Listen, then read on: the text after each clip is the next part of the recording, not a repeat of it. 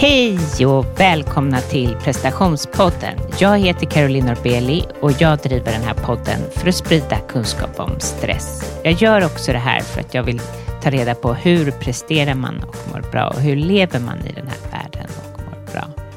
Ja, jag tänkte bjuda på vad jag precis har börjat med mina nyhetsbrev. Jag har börjat med att komma med lite tips. Tips, vardagstips, det som jag har njutit av på de senaste tiden lägger jag in och inte bara skriver jag om mina gästers eh, prestationer eller mina gästers bästa tips utan den här gången var det till exempel en tjej som så gulligt hörde av sig, eller kvinna, till mig på Instagram och tipsade mig om Tempurs ögonsovmask. Och eh, ja, hon hade hört i, i ett avsnitt att jag hade någon lite sämre variant eh, som jag inte var helt nöjd med. Och så hon tipsade om den och jag var lite skeptisk men jag gick och köpte. Och det är helt fantastiskt. Så det vill jag tipsa vidare. Att eh, har du sömnproblem, testa.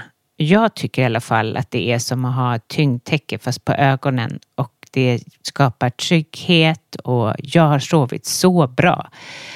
Eh, jag är liksom en ny människa på många sätt och vis sen jag skaffade den och det är på riktigt. Så det är ett bra tips från nyhetsbrevet helt enkelt. Sen var det min eh, Johanna som jobbade åt mig i podden förut som jag saknar så. Som hon skrev eh, och hon eh, skaff, skaffade, tipsade om gäster så jag behövde inte tänka på vilken nästa gäst skulle vara och det var helt otroligt skönt. Jag skulle behöva det nu också. Hon skrev till mig att jag skulle kolla på Netflix-serien med, alltså dokumentärserien, eller inte serien, alltså avsnitt, ett avsnitt bara, en, en film, dokumentär, dokumentär helt enkelt, av Louis Capaldi som är en otrolig musiker som ni säkert vet vem det är och vet ni inte så gå och eh, lyssna direkt. Men han, han slog igenom över en natt kan man ju säga och blev hur stor som helst. Och han, hade, han har psykisk ohälsa och led något fruktansvärt tills han kom fram till att han har Tourettes bland annat och att han eh, han ryckte, liksom, han stod där uppe på scen men bara skakade i högra axeln och, eller oh, eller om det var vänster, men hur som helst, att han bara hade ryckningar hela han och ja, jag, jag, det tog, tog i mig att se honom och man kunde lite dra parla, parla, men gud, paralleller till, eh, till Avicii. Men han hade jättebra föräldrar och inte någon ledning som tryckte på eller så. Men han eh, ja, han led och eh, han tog hjälp och han var borta i flera år, tre år efter sin stora hit och sen kom han tillbaka. Men det var faktiskt inte bara det med honom som jag slogs av utan han är sig själv till hundra procent.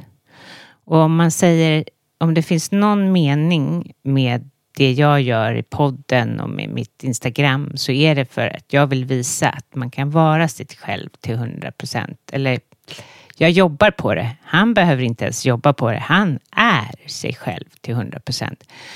Så det, fick, det, alltså varenda cell i min kropp njuter när man tittar på en sån person. Han har liksom haft all den där framgången och det verkar liksom inte komma åt honom.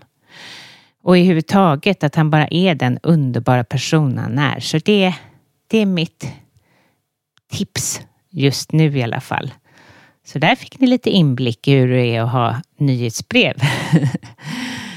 Men eh, hur som helst så sitter jag här och eh, nej men jag har lite, så här, lite sorg i hjärtat. Jag vet inte vad det kommer. Ni vet vissa dagar man känner sig tung i hela kroppen och hjärtat verkar. Och, men jag, det kan vara av den här anledningen. För igår hade jag gjort ett inlägg på eh, Instagram och då, jag är ju dyslektiker. Men det är ju inte alla som vet att jag är det, för det är inte så att jag har någon, någon lapp på Instagram att jag är faktiskt dyslektiker också. Utan jag skrev fel. Istället för ända skrev jag ä med ä. Enda så skrev jag ä, ända med ä. Och det är inte det att jag inte vet vad som är rätt. Och det som är det jobbiga med det hela är ju att eh, vissa dagar när man har gjort en sån sak så får, blir man så här kränkt nästan. Alltså jag känner att eh, jag är rädd för att folk inte ska veta att man har någon kunskap, att man eh, är kunnig människa och ska på något sätt döma en. Men jag vet ju, jag har inte testat mig för dyslexi fast min pappa har så mycket dyslexi så jag har aldrig sett något liknande. Han, han jobbade ju och hade en sekreterare som han dikterade allting för. Så, men när han skriver ett meddelande till mig så är det oläsligt. Alltså min man kan inte läsa det. Jag, jag kan läsa det för att jag är van. Och jag har ju min man som är copywriter så han brukar gå in och läsa mina inlägg men oftast för sent. Och jag, eh, ja, det, igår kände jag bara så här, åh oh, gud vad dumt. Och eh, det är dumt att utsätta sig kan man tycka. Men då var det lite lustigt för det slumpade sig att han som jag har med i dagens avsnitt, Magnus, och jag satt och pratade om att jag faktiskt har bloggat för eh, Allermedia för Må bra, då jag skrev 700 inlägg om stress. Just då nämnde jag inte för Magnus att jag är dyslektiker, men vi skrattade lite åt det, eller skrattade, det var otroligt. Hur fick jag ihop 700 inlägg och vad, vilka vinklar och så. Men när jag gick och la mig igår kväll så skrattade jag i alla fall åt mig själv, för jag kände så här, va? Eh, hur många stavfel måste det ha varit? Det var ju ingen som kollade en blogg, då är det ingen som eh, läser det, utan det var ju bara jag som skrev och skrev och skrev. Och eh, det finns jättemycket dumt med det. Men det finns också någonting bra. Jag tänker att du som lyssnar, alla har ju någon slags defekt eller vad man ska säga, tillkortakommande. Det kommer alltid någonting stort av det om man tittar ordentligt. Och för mig kanske det har är modet. Därför att det, för mig så måste jag måste ju vara modig. För vad efter, ja, det skapar ju mod och mod och sårbarhet. Så jag vet att jag alltid haft, eller haft någon, en, en, en av mina värsta chefer sa till mig att eh, eh, sluta aldrig vara så modig. Och jag tror att det modet kommer av att därför att jag, jag kan inte bara luta mig på att allting funkar och sitta och få folk att göra saker för mig. Jag måste eh, våga och då tänker jag mer, varför jag berättar om det här är för att vi alla har väl något sånt antar jag. Som skapar någonting positivt. Och man kanske efter att man om, omfamnar sig själv i att det är jobbigt med något kan hylla det som är bra. Ready to pop the question? The jewelers at BlueNile.com have got sparkle down to a science with beautiful lab-grown diamonds worthy of your most brilliant moments. Their lab-grown diamonds are independently graded and guaranteed identical to natural diamonds, and they're ready to ship to your door. Go to BlueNile.com and use promo code LISTEN to get $50 off your purchase of $500 or more. That's code LISTEN at BlueNile.com for $50 off. BlueNile.com code LISTEN. Ever catch yourself eating the same flavorless dinner three days in a row? Dreaming of something better? Well, HelloFresh is your guilt free dream come true, baby. It's me, Gigi Palmer. Let's wake up those taste buds with hot, juicy pecan crusted chicken or garlic butter shrimp scampi. Mm. Hello Fresh. Stop dreaming of all the delicious possibilities and dig in at HelloFresh.com. Let's get this dinner party started. Life is full of awesome what ifs, and some not so much, like unexpected medical costs. That's why United Healthcare provides Health Protector Guard fixed indemnity insurance plans to supplement your primary plan and help manage out of pocket costs. Learn more at uh1.com. Quality sleep is essential. That's why the Sleep Number Smart Bed is designed for your ever evolving sleep needs. Need a bed that's firmer or softer on either side? Helps you sleep at a comfortable temperature? Sleep Number Smart Beds let you individualize your comfort so you sleep better together. JD Power ranks Sleep Number number 1 in customer satisfaction with mattresses purchased in-store. And now, save 50% on the Sleep Number limited edition Smart Bed for a limited time. For JD Power 2023 award information, visit jdpower.com/awards. Only at a Sleep Number store or sleepnumber.com.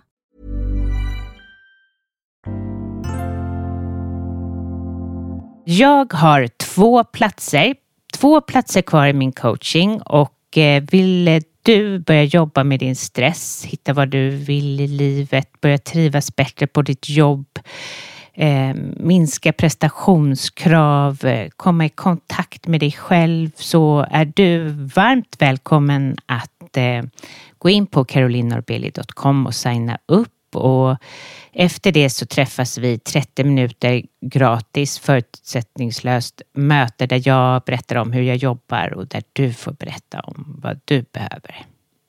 Stresskursen är ju ute och eh, det är för dig som vill på egen hand sitta hemma i din soffa och jobba med eh, att skapa förändring för att minska stress. Jag ger dig de fem modulerna med de fem verktygen som är absolut kraftfullaste som jag ser skapar förändring med mina kunder.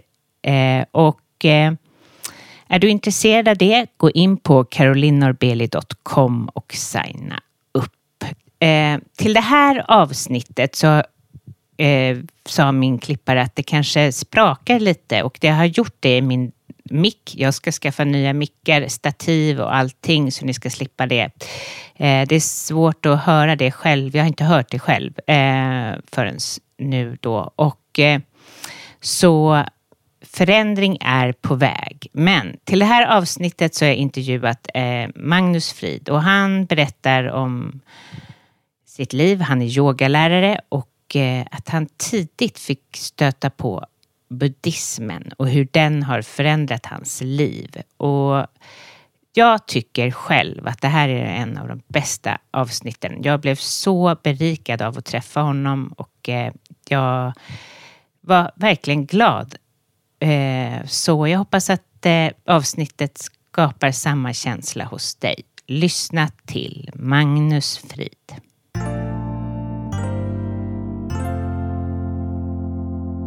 Hej och välkommen till prestationspodden Magnus. Tack så jättemycket för att jag får vara här. Ja, superhärligt att ha dig här. Eh, berätta, var växte du upp någonstans? Oh, eh, jag växte upp i en, i en liten eh, stad i södra Sverige som heter Karlshamn. Det ligger i Sveriges minsta landskap som heter Blekinge. Och då växte jag upp i en eh, förort till Karlshamn, så väldigt liten by på en tomt som vetter mot skog, vildskog. Så. Mm. Eh, men då är jag lite nyfiken, om jag nu säger rätt. Hur kom karma in i ditt liv? Just det. Karma, han, han fanns där så, så, när jag hade mina första minne då. För att då hade mina föräldrar, jag säger min mamma, för det var hennes jätteprojekt då. Ja varit fad, fadder åt honom ah. vid SOS Barnbyar redan i flera år. Mm -hmm. Och han är lite äldre än mig. Så att jag minns ju väldigt, väldigt tidigt hur vi alltid skickade presenter dit och vi skickade mycket kläder till, till eh, den skolan han gick på i nordvästra Indien. Eh, och han, är då, han var ju tibetansk flykting så han bodde i ett av de här settlementen som det finns ganska många av i norra Indien, även i södra för den delen. Um, och uh, så minns jag också att det var en väldigt, mamma hade ett väldigt stort engagemang i det. Uh, så att det var alltid mycket brevskrivande och även mycket brev som kom till oss. Och, uh, det, det, blev mer en karma för mamma blev också väldigt på distans god vän med eh, flera lärare på skolan, bland annat han som var rektor. Som också hälsade på oss när jag var sex år eller sånt där tror jag. Vilken fin drivkraft hon hade. Ja, verkligen. Mm. Hon, hon var inte intresserad av liksom yoga eller meditation eller så utan hon var mer intresserad av olika kulturer och hjälparbete och, och ett gott hjärta. Och hur påverkar det dig? Alltså, det måste påverka dig på flera sätt, men vad lärde han dig? Alltså, det, när jag var väldigt liten så tror jag mest liksom minns att, att det var en väldigt självklarhet att hjälpa någon. Som jag tror är väldigt nyttigt att få med mig. Hur självklart det är. Och att det inte byggde på... Eh, liksom, jag kan aldrig minnas att vi pratade om att det var synd om honom eller något sådant. Liksom. Utan det byggde liksom på, det kom från en annan plats. Så det var nästan snarare så att, kommer jag ihåg, att han var lite äldre än mig. Att jag nästan såg lite upp till honom på något sätt och försökte kanske i, min, i mitt pojkhuvud skapa en bild liksom, utifrån hur det var där han bodde. Liksom. Man läste Tintin i Tibet och han skickade teckningar och sådant. Så det var ju något exotiskt över det. Och också, jag, jag minns det bara som naturligt. Och sen så kanske det kom någon ålder när jag var kanske 10, 11, 12 där jag var liksom kanske något mindre intresserad av det eller så. Men sen så hälsade han ju på oss då.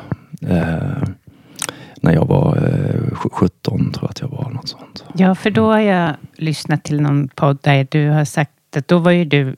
Ja, men man kan ju tänka att du var i en ålder då där du var lite mera... Vad säger man? Ehm, busig. Ja. Ja, Mm, ja. Mm. Så hur var det då när han kom? Nej men jag, jag var väldigt mycket i den här sökande tiden så. Jag hade nog haft mycket bus i mig tidigare och jag tillhörde ju absolut den här gruppen av elever som hade svårt att eh, sitta still och göra exakt som läraren ville och så. Jag var inte värst men jag tillhörde ändå den gruppen. Så jag var väldigt, jag var väldigt van att bli tillsagd att vara tyst. Och så. Eh, Men eh, framförallt så tror jag att jag var i en väldigt så här, eh, reflekterande och funderande fas. Jag minns att jag hade upptäckt, eh, jag hade upptäckt poesins värld. Och den kommer jag ihåg att den liksom var oerhört värdefull för mig för att det var precis som att jag eh, liksom inte hade haft förmåga själv att sätta ord på någonting. Och så läste jag någonting. Det kunde vara eh, det kunde vara en dan- en dansk poet som heter Mikael Strunge som jag var väldigt för- förtjust i. Eh, Bruno Sjöö på den tiden, Jacques Werup, även 30-talslitteratur som Harry Martinsson som kom just från Blekinge. Och då när jag läste det så kände jag liksom att oh, det, liksom, det gav allt ett språk.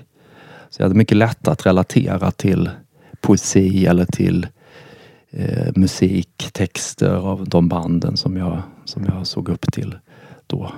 Eh, och det var ganska det var ganska dovt. Jag drogs mycket till det lite dova. Mm. Och, ehm, så att det var ju den fasen jag var och jag hade, jag hade nog också gjort upp liksom lite med min den här, jag hade ju varit på konfirmationsläger och, och, och ja, man tror på en etisk monoteistisk gud eller inte. Det var jag liksom lite klart, klar med då att jag inte drogs mot. Ehm, Så, så, så, så var det, det var den personen jag var när Karma kom hem till oss då. Och han hade ju å sin sida, de var lite äldre än mig. Han var eh, superduktig på engelska, betydligt bättre än vad jag var. Och han var, eh, hade Eh, han, han studerade på universitetet uppe i Punjab då och hade gjort färdig militärtjänstgöringen uppe i Kashmir. Och, så han var liksom väldigt världsvan. Liksom, så, att, så att det var ju eh, ett väldigt intressant möte skulle jag säga. Där vi verkligen frågade ut varandra liksom, totalt om allt. Och, och han fick väl dig intresserad av buddhismen? ja, va? absolut. Absolut. Vilken, Mm. vad, vad fantastiskt att ett möte så kan få en att, att, eh, att hitta dit, eller vad man ska säga. Ja, och det, jag brukar prata om det när jag föreläser och så, så brukar jag säga liksom att, att det är ju... Jag brukar visa en bild från Karma när han var liten pojk då och sen en bild eh, med mig och Karma i, i, Nepal nu förra året. Mm. Och sen med mina barn och hans barn i Nepal. Ja. Att det liksom, man ska komma ihåg det, en sån liten grej. Min mamma läste en artikel om tibetanska flyktingar i ett väntrum någonstans, om det var hos frisören eller hos läkaren eller vad det nu var. Liksom. Och så, så tog hon kontakt med SOS Barnbyar och det blev Karma. Och det har ju förändrat hela mitt liv och jag jobbar med det nu. Eh, det, är- det är mitt arbete så att säga. Liksom jag hade ju, Ja, precis. För Mm. nu, idag jobbar du, jobbar du som yogalärare. Mm, precis. Vad är det för typ av yoga? Ja, alltså jag kan... Jag, lite olika, beror på vem som jag träffar. Så. Jag kanske med tiden blivit mindre intresserad av de olika genrerna. Mer intresserad av, av syftet och det. Men jag i botten så är jag ju... Jag har hållit på längre med meditation än vad jag har hållit på med fysisk yoga då. Sen så kan man ju diskutera vad, vad de gränserna går. För mig är det nog ett, tror jag. Och eh, man ska komma ihåg, liksom, man tittar på liksom, den yoga som beskrivs inom buddhismen till exempel. Eh, tillbaka eller före vår tideräkning så är det ju inte de fysiska sekvenserna som beskrivs utan det är ju en, en eh, sinnets yoga. Då. Så, ehm, så jag höll ju på med meditativ praktik väldigt länge innan jag gick in på den fysiska yogan. Då. Så jag undervisar både meditation och yoga. Ashtanga yoga, yin yoga, hatha yoga. Ja, mm, Och idag har du ett företag som heter About Yoga. Mm. Ja. precis. Eh, men hur, hur bekantade du dig med buddhismen? Det är ju så härligt för, eller det är ju, jag har ju intervjuat många yogalärare, men du har ju grunden från buddhismen och det tycker jag är så härligt och intressant. Mm. Ja. Hur, hur åkte du med honom eller vad hände? Ja, alltså för er som lyssnar då så får, man, får jag ju nästan först blotta min ålder då, att jag har passerat 50. Så Ja. att det här var ju liksom före internet då. Ja, just det. Så det första som hände var att dels jag fick ett par böcker av Karma som självklart då var skrivna av Dalai Lama för det är deras stora liksom, guru. Som jag blev väldigt tagen av. Och sen så läste jag allt som fanns på Karlshamns bibliotek. Det var inte så mycket, men jag läste om allting, kommer jag ihåg. Jag läste de här som numera anses kanske lite vidlyftiga. Alexander David O'Neill, En parisiska resa till Lhasa och Lama Anna Gurika Govinda, De vita molnens väg. Personer som liksom hade varit inne i det här stängda Tibet och kom tillbaka med vittnesmål om vad de hade upplevt då. Ehm, med ganska mycket fokus eh, där på, på, ja, på siddis så att säga. Saker, så att de yogiska magi och sådant som de hade vis, uppvisat kunskaper då. Eh, Men det var väl intressant för att jag tyckte att det liksom kanske väckte något i mig också, något intresse för något, något ex- exotiskt. Och sen, jag minns inte exakt ordningen om jag ska vara helt ärlig, men jag minns att när kammaren var hos oss så bestämde vi ju eh, tydligt då att eh, så fort jag hade gått ut skolan så skulle jag åka hälsa på honom då i Indien. Men innan dess så tror jag att jag han få kontakt med ett buddhistsamfund som dels har ett ställe i Stockholm och även ett ställe ute i, utanför Arboga, ett retreatställe. Just det. Där det på den tiden, eh, fortfarande tror jag, så, så bodde där då ett par tibetanska lamor, munkar då, som var hitbjudna för att undervisa. Som, Ungefär som buddhistiska präster kan man säga. Så att jag tog, tog den kontakten då. Så jag liksom gick väldigt eh, eh, jag gick väldigt eh, fort djupt in i det liksom. Och så mm, styrde jag också min universitetsstudie mot det hållet. Då. Så jag skrev en, jag pluggade litteraturvetenskap och såg såklart till att skriva min kandidatuppsats om en tibetansk yogi vid namn Milarepa. Och när jag skrev den uppsatsen så slog det mig att vad kul det ska vara att kunna läsa det här på riktigt. Så då började jag plugga tibetanska på universitetet, språket. Så. Ja, men du var ju väldigt tidig med det här. Alltså, ja. Ja. Med ditt sökande inom den här genren i Sverige kan man ju säga. Jo, så, så var det ju. Ja. Det, var, det var ju marginaliserat på den tiden. Ja. Det var ju så Ja, udda så att Lite säga. udda. Ja. ja, men Det vad, har jag blivit kallad många gånger. ja, udda är bra. Ja. Ja. Men, eh, ja, och sen reste du iväg då helt enkelt. Ja, sen så åkte jag dit då. Jag var, första gången jag var där så jag var två månader och då var det verkligen så. Kamman som visade runt. Då, så vi var i hans hemby väldigt mycket i, och vi var uppe i Dharamsala i Dalai Lamas bo, eh, tillhåll. Och sen så var vi runt i Indien och sen åkte vi till Nepal en månad där han numera bor. Han flyttade dit sen. Så efter den resan så flyttade han till Nepal. Sen har jag mest åkt dit och hälsat på honom där. Då. Är han som en bror lite grann? Absolut. Mm. Fint. Mm. Verkligen är han det. Och det är, i, eh, I deras eh, vardagsrum så hänger det en- bild på mina föräldrar på foto. Liksom. Ett gammalt 80-talsfoto eh, på dem. Så det är väldigt eh, eh, spe- speciellt. Liksom. Så. Men vad tycker du? Och betyder- även när jag kom dit, var Ah. väldigt fint också. För att när jag kom dit, till den här byn då som han var uppväxt i, den här SOS barnbyn då, där skolan fanns. Så, så, så, så var det jättemånga som visste vem min mamma var. Så många sa liksom, var du Eva Frids son? Liksom, För att hon hade liksom på distans byggt upp relationer då. Så det var väldigt, väldigt häftigt. Vad berikande för henne Mm. känner jag. Ja, verkligen. Mm. verkligen. Cool fact a crocodile can't stick out its tongue. Also, you can get health insurance for a month or just under a year in some states. United Healthcare short term insurance plans, underwritten by Golden Rule Insurance Company, offer flexible, budget friendly coverage for you. Learn more at uh1.com. Hi, I'm Daniel, founder of Pretty Litter. Cats and cat owners deserve better than any old fashioned litter. That's why I teamed up with scientists and veterinarians to create Pretty Litter. Its innovative crystal formula has superior odor control and weighs up to 80% less than clay litter. Pretty Litter even monitors health by changing colors to help detect early signs of potential illness. It's the world's smartest kitty litter. Go to prettylitter.com and use code ACAST for 20% off your first order and a free cat toy. Terms and conditions apply. See site for details. A lot can happen in three years, like a chatbot may be your new best friend. But what won't change? Needing health insurance. United Healthcare Tri Term Medical Plans, underwritten by Golden Rule Insurance Company, offer flexible, budget friendly coverage that lasts nearly three years in some states. Learn more at uh1.com.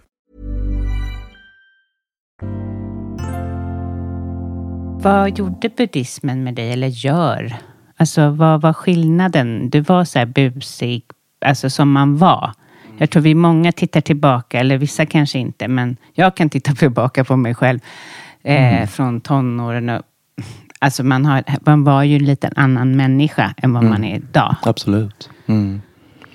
Alltså, då förstod jag ju inte det. Men jag kände ju... Jag, det, det var ju liksom ingen... Inuti mig så var det ju ingen toppen miljö liksom. För jag var, nu vet jag, för att jag har fått en senare diagnos med ADHD. Men jag tror att den, eh, liksom, vad säger man, eh, gjorde entré eh, ungefär i den åldern då. För att tidigare så hade jag kunnat använda den. mm, För jag var väldigt, eh, jag hade ganska lätt för mig i skolan och var väldigt snabb. Och så, så länge uppgifterna var i- inom den ramen så var det hur lätt som helst tyckte jag. Men sen så fort när det började stegra och bli svårare. När det var mer så här att jag man behövde fokus för att läsa längre textmassor eller lyssna. Precis. Ja. Så, så var jag lost liksom. Och, jag, och, och det, jag förstod liksom inte riktigt det. Då, och det mm, eh, plus att jag började få en lite sån här stegrande ja, en inre rastlöshet och stress och så. Och som mm, ibland eh, kunde leda mig till lite isolation så att jag drog mig undan. Eh, valde att kanske inte delta i vissa sociala sammanhang och så som jag egentligen önskade göra för att jag tyckte det var jobbigt. Det var ju då liksom, eh, buddhismen kom Mm. in i ditt liv. Mm. Vad gav den, den dig? Du Ja. började sluka allting. Mm. Och, hur, vad, blev, vad, vad, vad, vad gav det, eller vad ger den dig? Ja. Då, vad den gav mig då, det var att den gav mig en omedelbar eh, insikt i att, eh, att eh, den här rastlösheten jag hade känt, negativa tankar, brus i huvudet eh, av, av eh, den här strömmen av eh, olika dagdrömmar och tempusvandrande tankar, man kallar default mode network. eh, och eh, att det inte utgjorde grundbultarna i mig. Det var väldigt, väldigt tydligt. Och det kanske jag inte kunde sätta ord på riktigt då. Men jag tror att det var det jag upplevde. Och, Att du kunde observera hela det ja, här. och jag kände ju också då att när jag sitter kvar tillräckligt länge och saker det var ibland det första Buddha undervisade om, sakers förgänglighet, att ingenting är bestående då. Och så kunde jag känna att det fanns någonting kvar. Och då tänker man ju att då borde ju det, man tar bort alla ens tankar och idéer och så borde det inte finnas något kvar alls med någon slags meningslös tomhet. Men jag upplevde ju tvärtom. Att jag kände mig mer hel än vad jag någonsin hade gjort i hela mitt liv. Mm.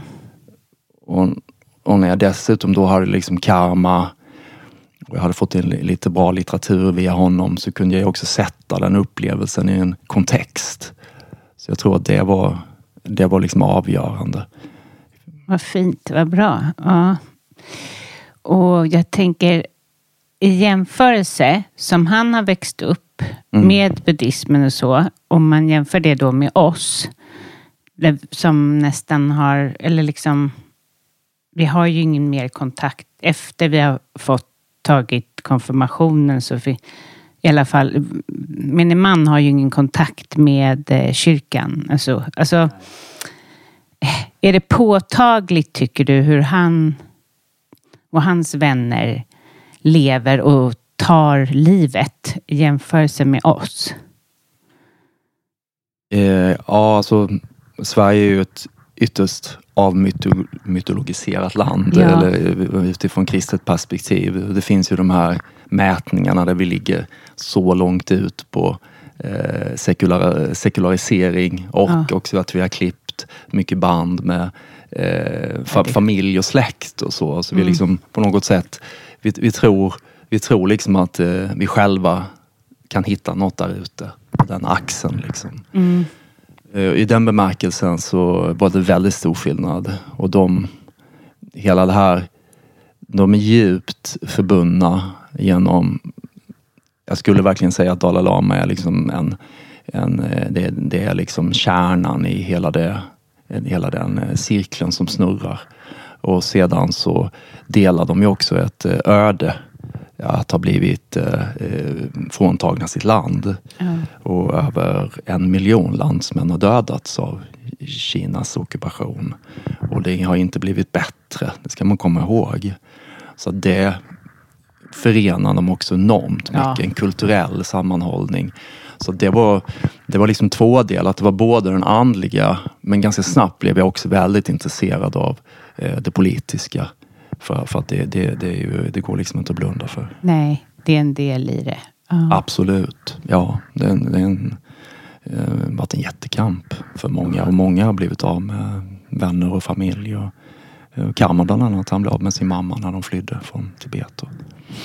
Usch, ja, det är inte klokt. Mm. Nej. Men Dalai Lama gjorde ju någonting som det kan man ju diskutera, inte ens alla tibetaner tycker att han har kanske gjort rätt men han valde ju liksom Gandhis väg att inte slå tillbaka. Liksom. Mm. Inga gerillakrig, ingenting. Utan att verkligen tro på ahimsa, på icke-våld och att det skulle finnas en väg därigenom då. Och det har han ju, den, den har han ju varit benhård på Mm. och är fortfarande. Ja. Och det, det är ju mycket blod som inte har spillts av den anledningen. Så är det. Ja. Mm, så Mm. är det. Men, men väldigt mycket blod har spillts och mycket tortyr och mycket eh, Många människor har fa- farit väldigt, väldigt illa. Men eh, sen, och jag antar att din yoga, alltså att du blev yogalärare så är sprunget ur det här då? Absolut. Ja. Mm. Absolut. Vad fantastiskt. Det bara ledde till en karriär också. Ja, precis.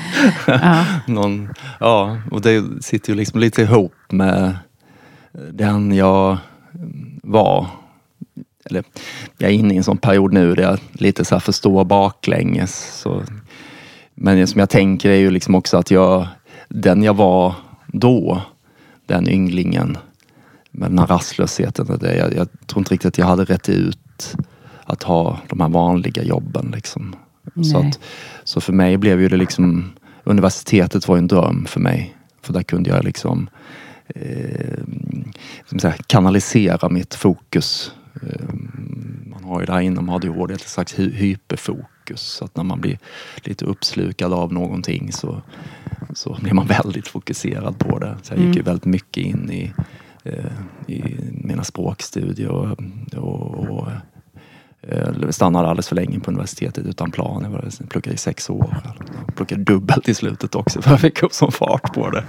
Så, men, ja, eh, så, och sen så, så, så startade jag eget sen. Jag var musikproducent. Så jag har ju liksom alltid jobbat med mina två intressen. Liksom, med musik eller med eh, inom det här då. Om, förutom universitetsstudierna då. Så det är ju också ett sätt att, eh, att fungera. Klara den här. Ja, ja, ja, ja. precis. Nej, det hade nog inte varit bra om de hade stöpt in dig liksom på massa olika, som du säger, olika jobb som du kanske skulle misslyckats på. Alltså för Ja. att, inte för att du inte hade förmåga, men för att Mm. det... Jag hade liksom- kanske klarat det, men, men jag, jag, ja, jag tror att det är svårt för mig. Ja, jag, och jag tror att mina, mina eh, det, de diagnos kritiska sakerna hade nog blivit ännu tydligare tror, tror jag. Ja. Så de har jag kunnat liksom hantera på ett annat sätt Ja. i den värld jag har varit. Många med ADHD bränner ju ut sig. Oh ja. Ja, Mm. jag har folk nära mig som har hamnat precis där. Ja, för att kanske få stångas i fel... I fel ja. Ja, så är det ju. Mm.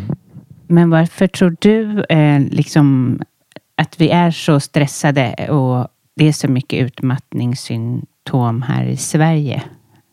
Ja, det är väl det överallt, eller i andra länder också, men nu är vi ju i Sverige. Mm, mm. Alltså jag, tror, jag, jag tror att det finns väldigt många förklaringar. Det, det tror jag dels. Förklaringar i beslut som har tagits bakåt i tiden eh, och med lågkonjunktur och så vidare som har påfrestat folket i olika riktningar.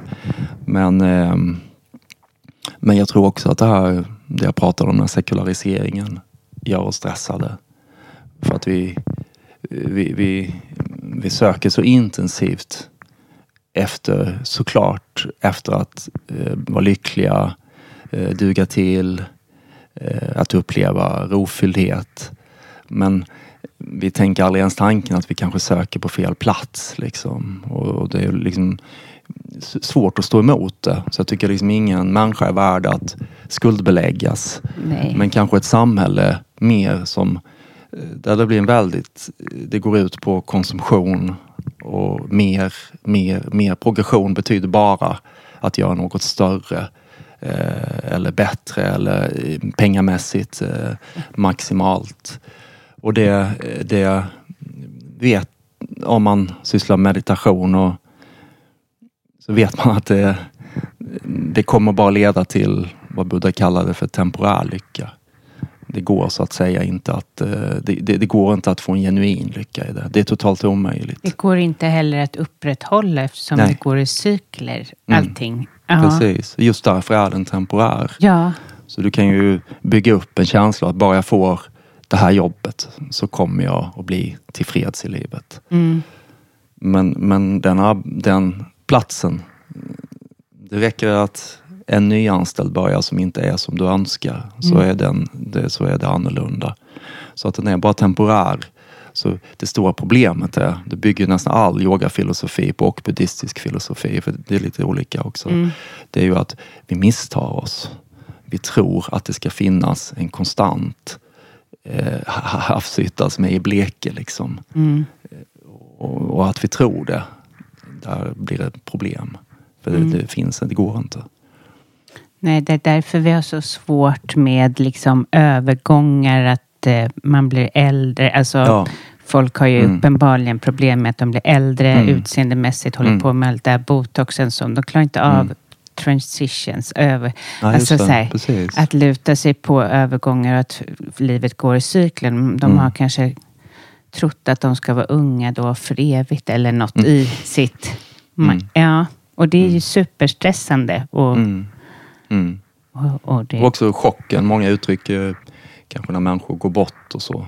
Ja. Som att de aldrig har slagit om förutsättningar för hela existensen. Liksom, på något Nej. sätt. Att, att man eh, blir, och jag, jag förstår det och, det, och mi- miss, missta mig rätt så att säga. För Mm. att även buddhister och i personer i yogakontexten blir självklart jätteledsna när man förlorar en vän. Mm. Det är inte det.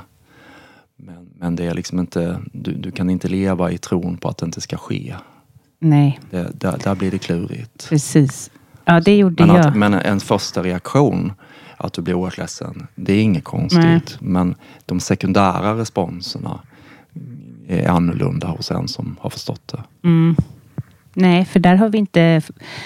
Det hänger man inte med på i det här eh, eftersom vi inte har den kontakten. Eh, Nej. när jag förlorade min svärfar, det var liksom... Mm. Det var... Eh, det var som ett skifte i mitt liv. Jag trodde inte döden Mm. fanns, fast man har sett döden överallt, Mm. om man säger så. Ja. För att vi pratar så lite om den. Och, Mm. och efter det så är allt så dödligt. Eh, det, Nu ser du den Ja, överallt. ja nu Mm. vet jag att den kommer. Mm. Ja, så. Mm. Men det hade ju varit härligt att få den hjälpen av en religion eller en, Mm. ja, ja. en tro. Så att säga. Verkligen. Ja. Det tror jag också. Och det, jag minns första boken jag läste av Dalai Lama. Han sa ju till och med så här då. Eh, en del så kommer jag ihåg att han skrev eh, det som gjorde mig väldigt intresserad. Men det stod i början av boken tror jag det var att om du gillar det här jag säger så känn dig välkommen liksom att fortsätta. Men tilltalar inte detta dig så, så lämna. Leta upp något annat bättre som Mm. passar dig. Mm. Så det är väldigt öppen hållning tyckte jag. Liksom, att våga gambla med att jag kanske går till någon annan istället. Och, så, men då är man ju trygg på något sätt. Och sen minns jag också att han skrev väldigt tidigt att om du nu tycker om detta och bestämmer dig för att bli buddhist. Det, det är okej liksom, du kan bli det. Men det är mycket enklare om du tar din egen religion. Mm. Så, så, Så så, bättre att om du är europé att bli kristen. Mm. För att det blir en, en, en kulturell komplexitet som du slipper i så fall. Så, ja, hela den hållningen tycker jag är väldigt härlig. Liksom. Ja, så skillnad från så många andra religioner. ja, precis. Men har du, tycker du att du bär med dig buddhismen fortfarande? Ja, det gör jag. Det gör jag absolut. Men däremot tycker jag inte det är så identifikation. Eh, jag, jag konverterade ju Ja. till buddhismen då när jag var yngre. Men jag tycker liksom inte att det är så viktigt så. Eh, Det blir bara ännu en stämpel liksom om ja, du är buddhist och vilken typ av buddhist är du Mm. och gör du bara buddhistiska. Det blir, det blir bara något nytt. Som liksom. svensken vill böna ut och Absolut. sätta dig i ett fack. Ja. Bara, Jaha, du okej, du... Ja. Fast det är ingen tillbaka, annan liksom. som frågar den frågan om man åker utomlands riktigt. Jag Nej. vet inte riktigt Nej. men det är... Jag känner att det ofta är så att vi frågar ju ofta om titlar. Det, Mm. det, det bemöts man inte av på samma Nej, sätt. det. Det är sant. Nej, ja, just nej. Det. det är sant. Man vill, man vill kartlägga var, Precis. du Ja. är i flocken. Ja, precis. Så, Ja. så jag tycker inte att det är så viktigt för mig. Men, men eh, om jag ska vara ärlig så jag har ju försökt släppa buddhismen några gånger i mitt liv för att jag, det var lite yttre saker som hände som jag inte riktigt uppskattade eh, i, i de sammanhang jag var med i. Eh, så kom jag tillbaka hela tiden. Och det är inte så att jag inte läst andra Just nu har jag en väldig dragning, eh, väldigt mycket dragning åt eh, västerländsk filosofi. Eh, romersk och grekisk filosofi som eh, Epikurus och Seneca och även Platon och de här. Så jag är väldigt nyfiken på det också. Men, men när det kommer till det praktiska, då går jag till buddhismen. Använder du allt det här du läser i dina yogasklasser? Inte allt det här du läser, men Ja, mycket. kommer det in? Jo, det måste vara absolut, ja. härligt att Ja. yoga för dig då. Ja, Ja, alltså om man kommer till mig och yoga så bör man liksom nog eh, man bör vara öppen för att det blir meditation och eh, andning och eh, olika sådana moment. Ja. Annars är det bättre att gå till någon annan. mm, mm, Om man bara vill ha den fysiska delen. Liksom. ja, Men man får fysisk del också. ja precis. Eh, men du har ju skrivit en bok, eh, eller två böcker, men Mm, eh, viloläge, mindfulness och meditation i vardagen. Mm. Min första bok. Det är den första? Ja, Okej. ja. Den skrev 2017. Då. Och den andra heter, Att vara stilla när allt skyndar. just det, Den kom 2019. 2019. Ja. Mm. Ehm, om vi börjar med den andra då. Mm. Eh, vad, fick du, vad fick dig att vilja skriva den? Eh, den, var, den var liksom lite... Den första boken jag skrev, den är mycket mer som en... Dels drivs den fram av en röd tråd, en personlig eh, eh, händelse. Eh, där jag utsätts för en prövning då. Men den andra boken är mer en eh, essäsamling. Och där är det nästan mer som att jag hittade tillbaka till så som jag skrev. Jag skrev mycket poesi när jag var yngre och gav även ut eh, li, lite saker. Så, så, så det var nästan mer som att jag knöt an till så som jag hade skrivit förut. Och då insåg jag också vad lätt saker kan vara när man litar bara på sin inre röst. Liksom. Så det, var, fanns liksom noll kämpande i den boken. Det var, det var jättelätt att skriva den och det var mer som jag reflekterade runt eh, stillhet och tystnad och så var jag lite trött på ordet mindfulness just då. Så att jag ville liksom pr- prata om det på ett annat sätt. Liksom. Ja, det är lite utvattnat. Men, men eh, vad fascinerande att du har det här hyperfokuset. Mm. Alltså, men ändå de här störande tankarna. Att du Mm. kan få ut en bok, det är ju enormt mycket jobb. Alltså det, jag har försökt Ja. själv. Ja, Ja, det, Ja. Det, är, det är mycket jobb. Ja. Är. Tänk om folk visste Ja, hur mycket jobb det är bakom en bok. Ja. Nej, man kan aldrig räkna hem en bok. Nej, Nej. kan Nej. man inte. Nej. Ja, men vad härlig, vilken härlig sak att slutföra. Det måste ju bara... Otroligt. Ja, Mm. Ja, det, det framförallt, eh, båda böckerna var väldigt så. Det var som, min första bok handlar ju om min dotters eh, eh, första tio år med, med en väldigt komplicerad diagnos som hon har. eh, Är född med, med fysiska eh, missbildningar så att säga. Som hon har opererats väldigt mycket. Så, så att skriva färdigt den boken, det var väldigt viktigt för det var som att vi stängde liksom en, en, eh, en, eh, mjukt stängde en del av vårt liv som hade varit väldigt, väldigt svårt. Så, och så knöt jag ihop det med hur meditation hade fungerat för mig i den miljön. Och den andra, eh, den, var, den var mer bara härlig att avsluta som ett, eh, som ett eh, skrivprojekt kände jag. Liksom. Så att jag, det kom väldigt naturligt och det kändes klart när det var klart.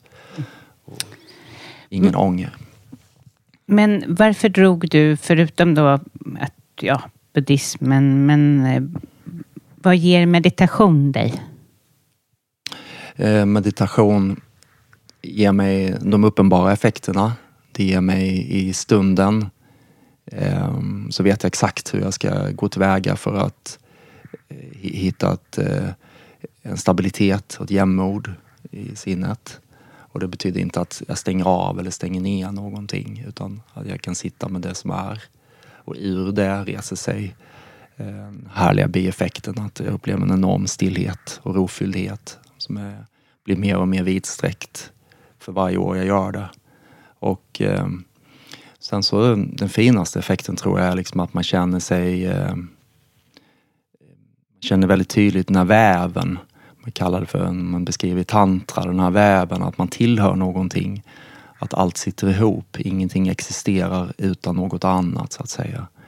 Och den, den blir väldigt tydlig och då känner du dig som en del av mänskligheten, en del av denna världen och du, du, du upplever att det är du själv, den nåd som du själv önskar så att säga och den, den eh, förståelse du önskar av andra människor, den kärlek du önskar få eh, delar du med alla andra. Det, det är så att säga, oavsett hur snett människor har hamnat så finns den kärnan, tror jag, i alla. Och den känner du väldigt tydligt i meditation. Så en medkänsla kallar man det för då i meditation.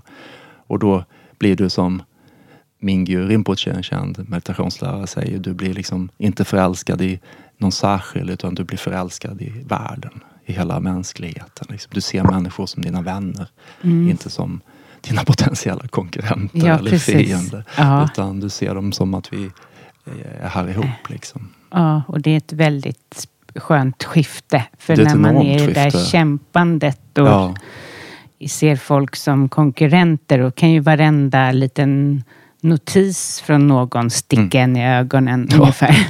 Ja, men om man hamnar i det där mjuka som bet- som det är Ja. så annorlunda. Ja. Ja, du ser människor på gatan på ett annat sätt. Ja. Du ser eh, kassörskan på Hemköp på ett annat sätt. Du ser Mm. post, personer som ett post. Eller, man, man, man ser att vi alla är en del. Liksom. Ja. Och vi fluktuerar. Vi är stadiga och vi är ostadiga och vi kämpar och vi utsätts. Och, och det är ju liksom, de säger eh, grekiska filosoferna att Fortuna slår liksom eh, som den gör så att säga. Liksom, och att vi drabbas för olika saker. Ja. Så från att vi var en väl fungerande familj i, ett hus så plötsligt fick vi en dotter som var väldigt sjuk och över en sekund så hade vi en annan situation. Ja, Så, så, så man ser också att vi är alla i det. Det verkligen. finns ingen som liksom kan köpa en garanti från Nej. något så. Utan Nej. man får hjälpa varandra. Liksom. Ja, så är det ju. Så Mm. tydligt.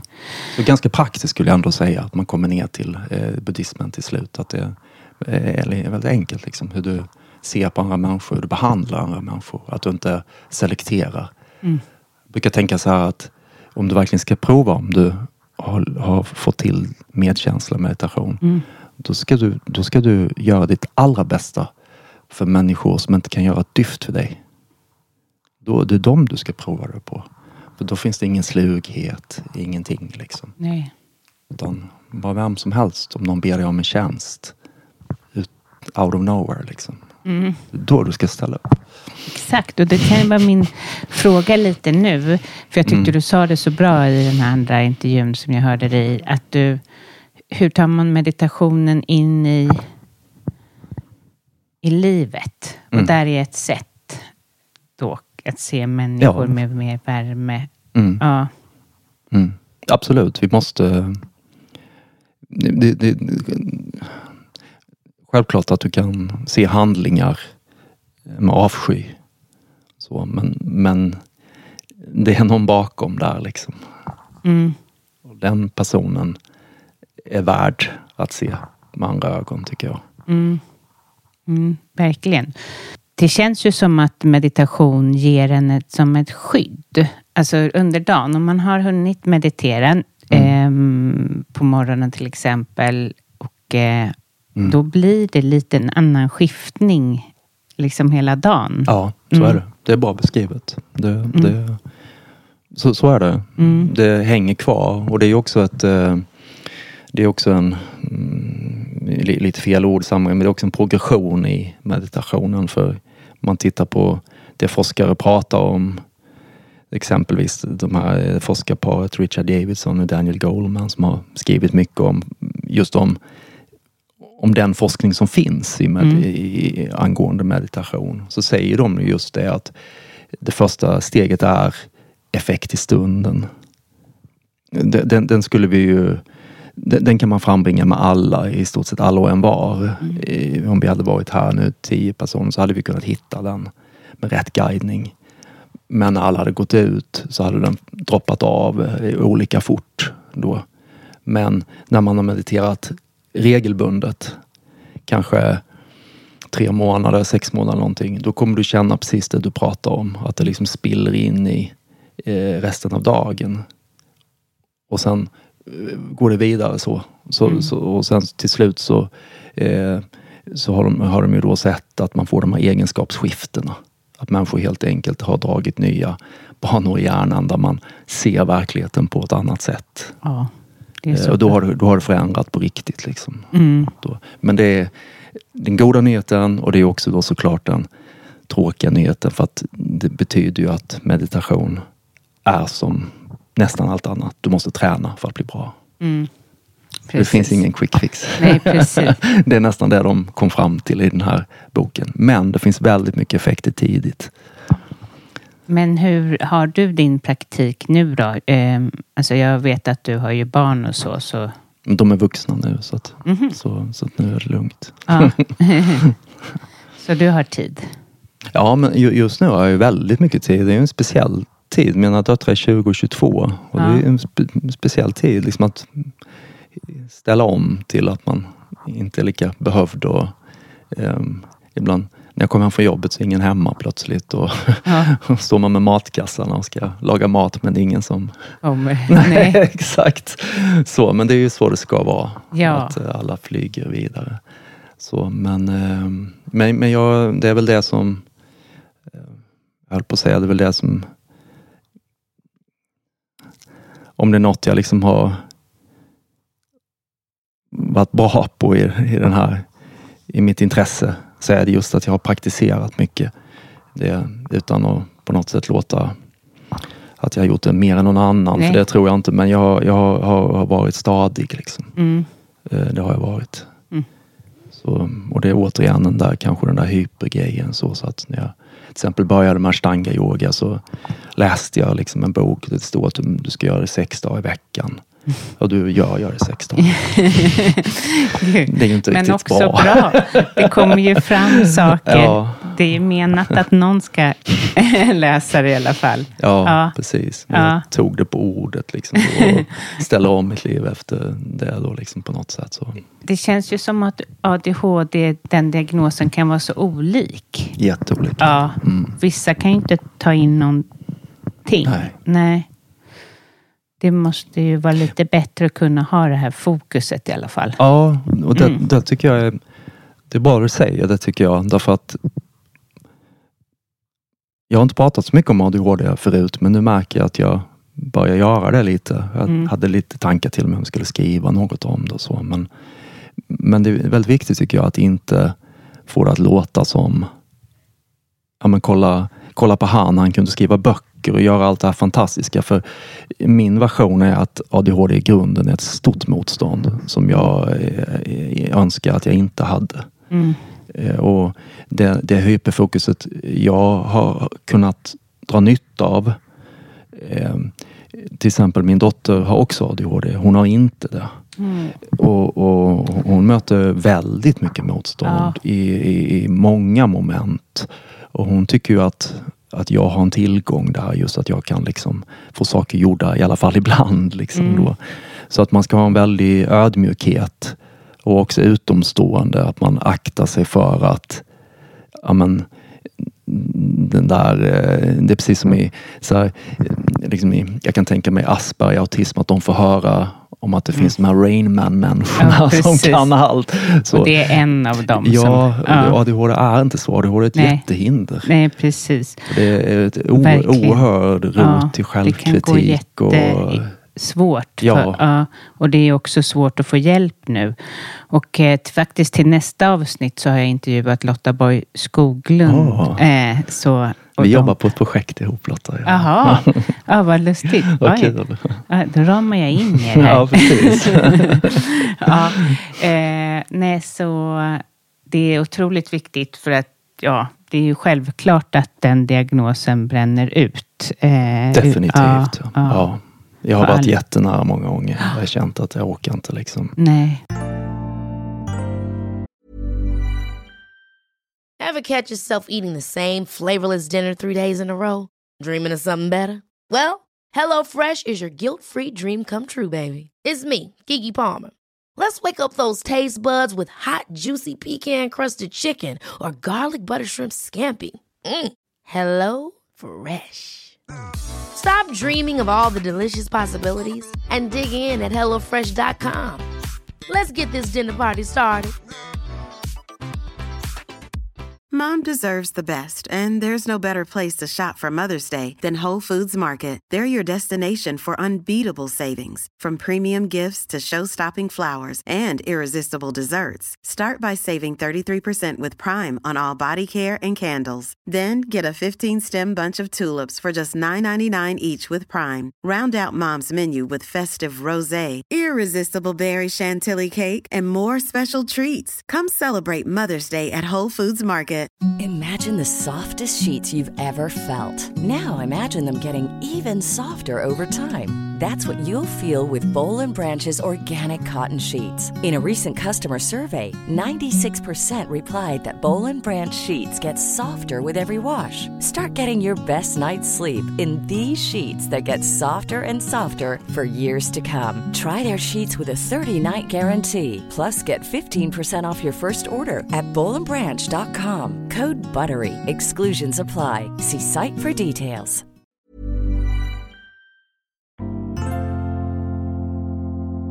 Vad har du för drömmar? Vad vill du ge för avtryck? Eller vill du ge avtryck? Jag är ingen person som, som, som har sett sig upp mål och så. Det, det har jag aldrig varit. Mm.